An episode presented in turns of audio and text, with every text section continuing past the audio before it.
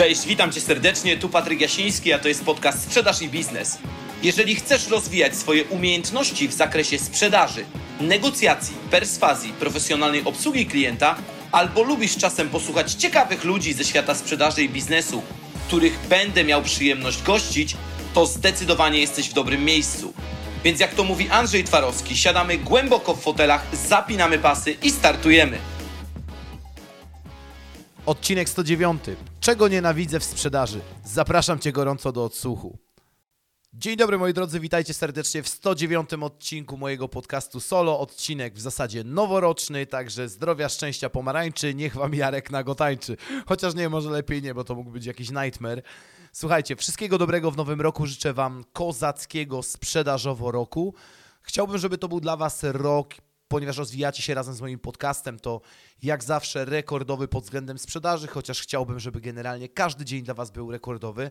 Dla mnie ten rok był rekordowy, ale o tym opowiem Wam w następnym odcinku, bo mam bardzo dużo przemyśleń. Mam też przykre momenty, które spotkały mnie w zeszłym roku i taki bardzo refleksyjny odcinek będzie już za tydzień. Natomiast dzisiaj wasz naczelny entuzjasta sprzedaży, czyli człowiek, który uwielbia sprzedawać, który kocha sprzedawać, który uwielbia, kiedy sprzedaż się dzieje, zadziewa, uwielbiam środowisko sprzedaży, zdał sobie sprawę, że jednak jest 10 rzeczy, których ja w sprzedaży nie lubię. Paradoksalnie są to rzeczy, których ja nienawidzę w sprzedaży i dzisiaj króciutko chcę się nimi z Wami podzielić, a w 112 odcinku, czyli tym, który będzie za dwa tygodnie, opowiem Wam w ogóle za co ja pokochałem sprzedaż, dlaczego uwielbiam sprzedaż i jest to najcudowniejsza rzecz, jaką można w ogóle w życiu robić. Natomiast dzisiaj mój właśnie hating na to, czego ja nienawidzę w sprzedaży. Moi kochani, po pierwsze, pierwsza podstawowa rzecz, której nienawidzę w sprzedaży, to jest niepotrzebna papierologia. I mówię tutaj o wszystkich sytuacjach, w których aby zrealizować dany kontrakt, potrzebna jest masa niepotrzebnych papierów. I zawsze w takiej sytuacji, na przykład kiedy klienci mówią do mnie, że wyślą mi umowę, oryginał umowy pocztą. Zawsze odpowiadam im to, co powiedział mój serdeczny przyjaciel, z którym też odcinek możecie odsłuchać na, na platformie, czyli Łukasz Kuciński. On kiedyś powiedział do mnie takie zdanie, że w oryginałach to on zbiera tylko dzieła sztuki. I za każdym razem, kiedy klienci to do mnie mówią, walę im tym tekstem prosto w twarz, a konkretnie w słuchawkę, no bo częściej z nimi rozmawiam przez telefon. Nienawidzę niepotrzebnej papierologii, nienawidzę, kiedy tej papierologii jest za dużo, nienawidzę tych wszystkich papierów związanych chociażby z byciem dostawcą danej firmy. No po prostu mam na to totalny hating. Nienawidzę tego, nienawidzę w ogóle pracować przy papierach, no ale to raczej wynika z mojej osobowości i dlatego tutaj jest nieoceniona rola Beatki, mojej prawej ręki. Kiedyś zastępy anielskie wezmą ją żywcem do nieba za to, co ona czasem przeżywa i musi znosić. No Papierologii nienawidzę, mam nadzieję, że wiecie o czym mówię. Mówię też o papierologii oczywiście w drugą stronę, bo kiedyś pamiętam taką sytuację, gdzie mój znajomy zatrudnił się w pewnej firmie. Z grzeczności, no nie powiem wam, co to jest za branża, ani co to za klient oczywiście. Natomiast pamiętam, jak zacząłem z nim rozmowy po tym, jak on świeżo zaczął tam pracę. I po kilku miesiącach mówię do niego, stary, jak tam? A on do mnie mówi, że on się stamtąd zwalnia. Ja mówię, o, a czemuż to? Na co on do mnie, że człowieku, mówi, ja w tej firmie nie mogę sprzedawać. Ja wiem, jak nie możesz sprzedawać, to co ty robisz? Jak opowiedział mi o idiotycznej procedurze, którą mieli sprzedażową, konkretnie chodziło o to, ile osób musiało autoryzować oferty, które on wysyłał i robić różne inne dziwaczne rzeczy, no to zdałem sobie sprawę, że papierologia może też działać w drugą stronę. Pamiętajcie taki wniosek na nowy rok, aby maksymalnie ułatwiać klientom kupowanie. E, drugie, czego nie lubię, to jest e, wszelkiego rodzaju przeciągające się rozmowy. I znowu mówimy tutaj o sytuacji, w której Twoje rozmowy z klientem w zasadzie już dawno mogłyby się zakończyć, ale on zaczyna wymyślać i wydziwiać. Na przykład inne osoby w procesie sprzedaży, z którymi musisz jeszcze porozmawiać, bo jest to niezbędne. E, wszystkie osoby, które nie chcą podejmować decyzji, wiecie, mega przeciągają ci cały proces. Jak doskonale wiecie lub nie, jedną z moich podstawowych zasad sprzedaży, a mam takich zasad 30, kiedyś jeszcze powstanie z tego pewne dzieło, natomiast jest to, że od klienta może usłyszeć trzy odpowiedzi, tak, nie lub może i paradoksalnie może jest najgorszą z nich trzech.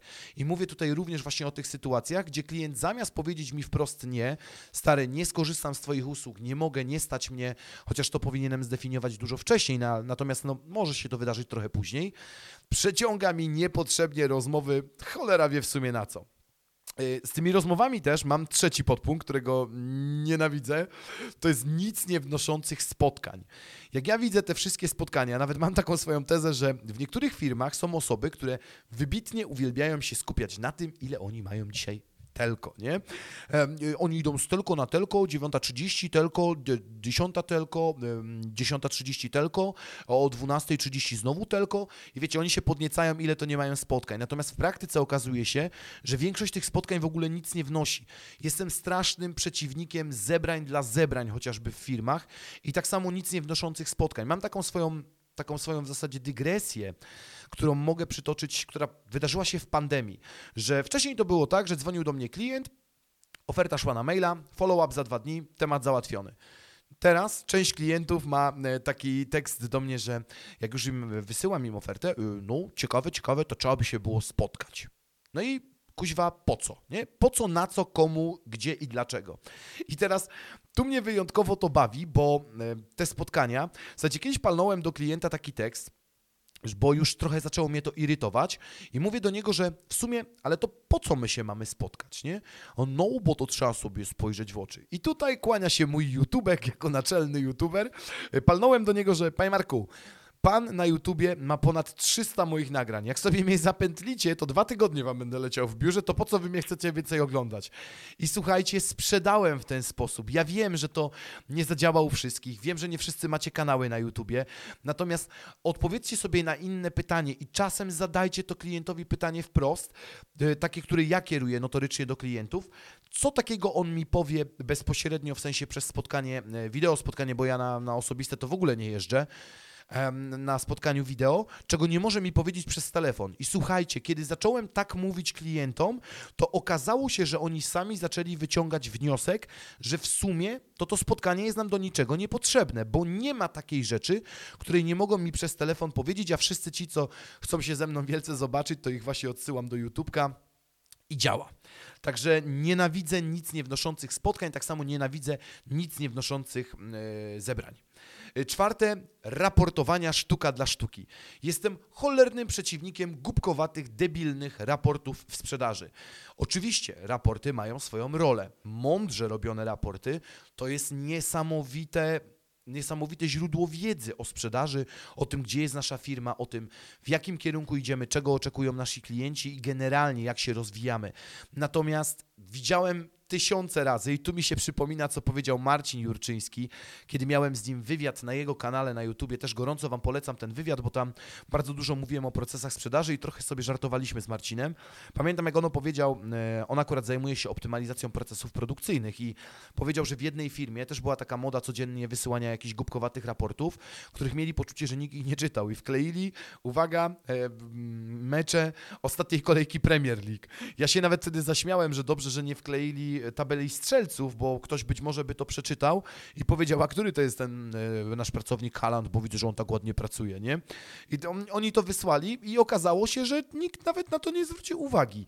Dlatego nienawidzę niepotrzebnych raportów, ale jestem wielkim fanem dobrze robionych raportów. Tutaj bardzo mocno uczulam na to właśnie w, tracy, w, w, trakcie pracy z moimi klientami. Jest to coś, na co zwracam uwagę. Czy to nie jest tak, że właśnie wspomniane wcześniej papiery lub raporty, które są totalnie niepotrzebne, nie zawracają tylko niepotrzebnie dupy sprzedawcom, którzy mogliby w tym czasie skupić się na lepszych innych aktywnościach sprzedażowych. E, piąte, czego nienawidzę, to jest powtarzanie w kółko tych samych czynności. No bo jednak mimo wszystko, zobaczcie, dla przykładu taka historia, że zgłasza się do ciebie klient, robisz mu ofertę, e, no i on tą ofertę przetrzymuje nie wiadomo po co, po czym za trzy miesiące wraca do ciebie i znowu prosi o tą samą ofertę.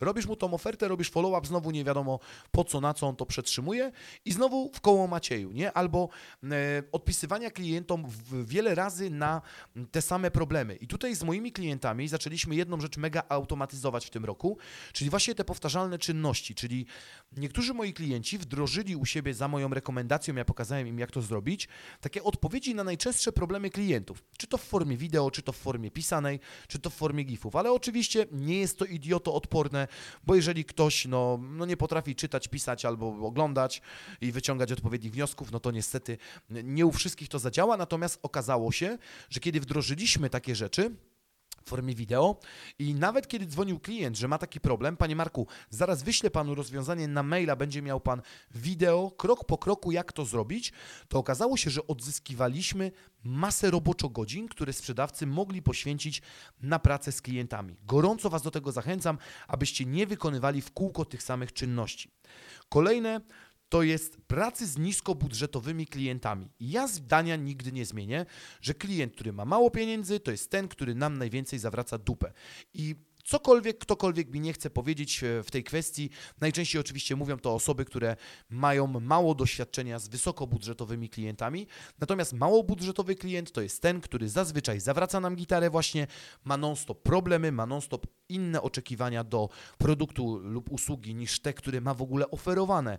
Dlatego ja nienawidzę pracować z niskobudżetowymi klientami, bo z wysokobudżetowymi klientami, z klientami, którzy mają rozwinięte swoje firmy, praca jest gitara. Wiemy, co mamy robić, skupiamy się na rezultatach, później z tych rezultatów tylko się rozliczamy. Natomiast niskobudżetowi klienci niestety, ale mają non-stop te same głupie pytania, głupie oczekiwania i generalnie nic, tylko zawracają nam cztery litery.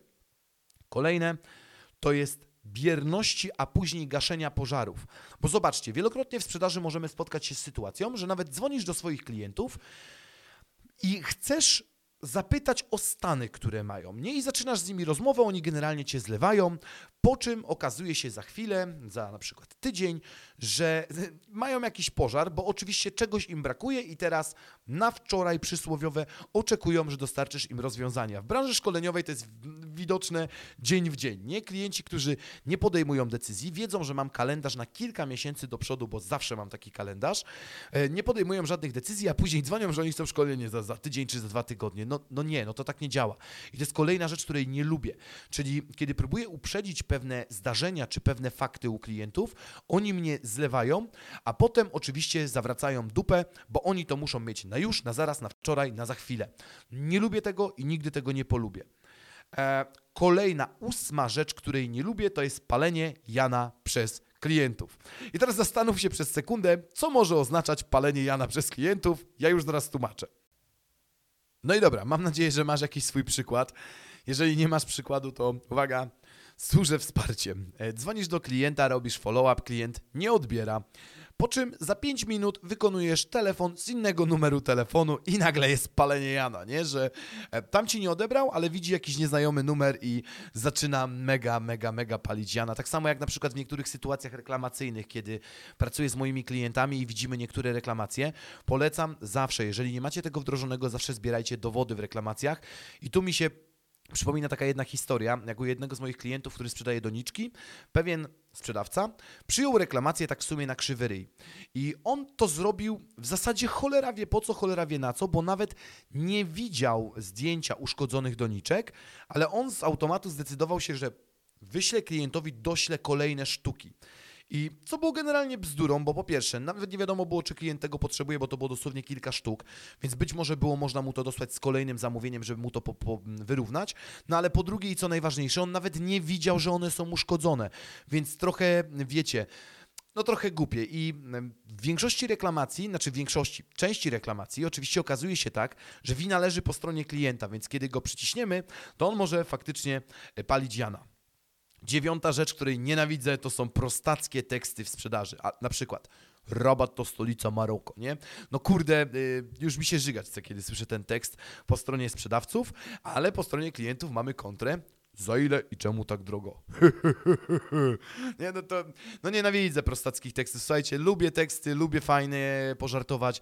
Ja naprawdę jestem mega entuzjastyczną osobą, natomiast no prostactwa no nie toleruję, nie dzierżę, karałbym, tępił. Jak dojdę do władzy, to pierwszy zrobię z tym porządek. I dziesiąta rzecz, której nie lubię, to są zieloni klienci. Mówimy tutaj o typologii osobowości. Mimo, że prywatnie to są cudowne osoby, to są przewspaniałe osoby, no to niestety w sprzedaży ja ich tolerować nie mogę. Dlatego, że jestem osobą czerwoną i z takimi klientami z automatu mi się trudniej pracuje.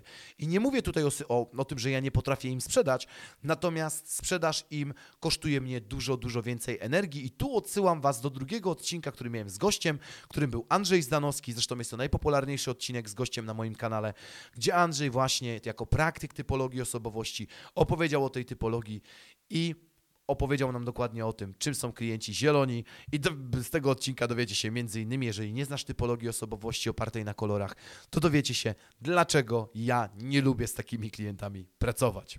I to moje 10 rzeczy, których nienawidzę w sprzedaży, czyli jeszcze raz je podsumowując, niepotrzebnej papierologii, przeciągających się rozmów, nic nie wnoszących spotkań, raportowania sztuka dla sztuki, powtarzania tych samych czynności, pracy z niskobudżetowymi klientami, bierności, a później gaszenia pożarów, palenia jana przez klientów, prostackich tekstów i zielonych klientów. I daj znać koniecznie w komentarzu, czego ty nienawidzisz sprzedaży, co tak na dobrą sprawę ciebie bardzo irytuje. Jeżeli chcesz się ze mną mocniej rozwijać, to w linku pod tym nagraniem znajdziesz moje książki, które służą wam wsparciem i pomocą. A tymczasem słyszymy się w kolejnym odcinku. Trzymajcie się gorąco i do usłyszenia. Cześć!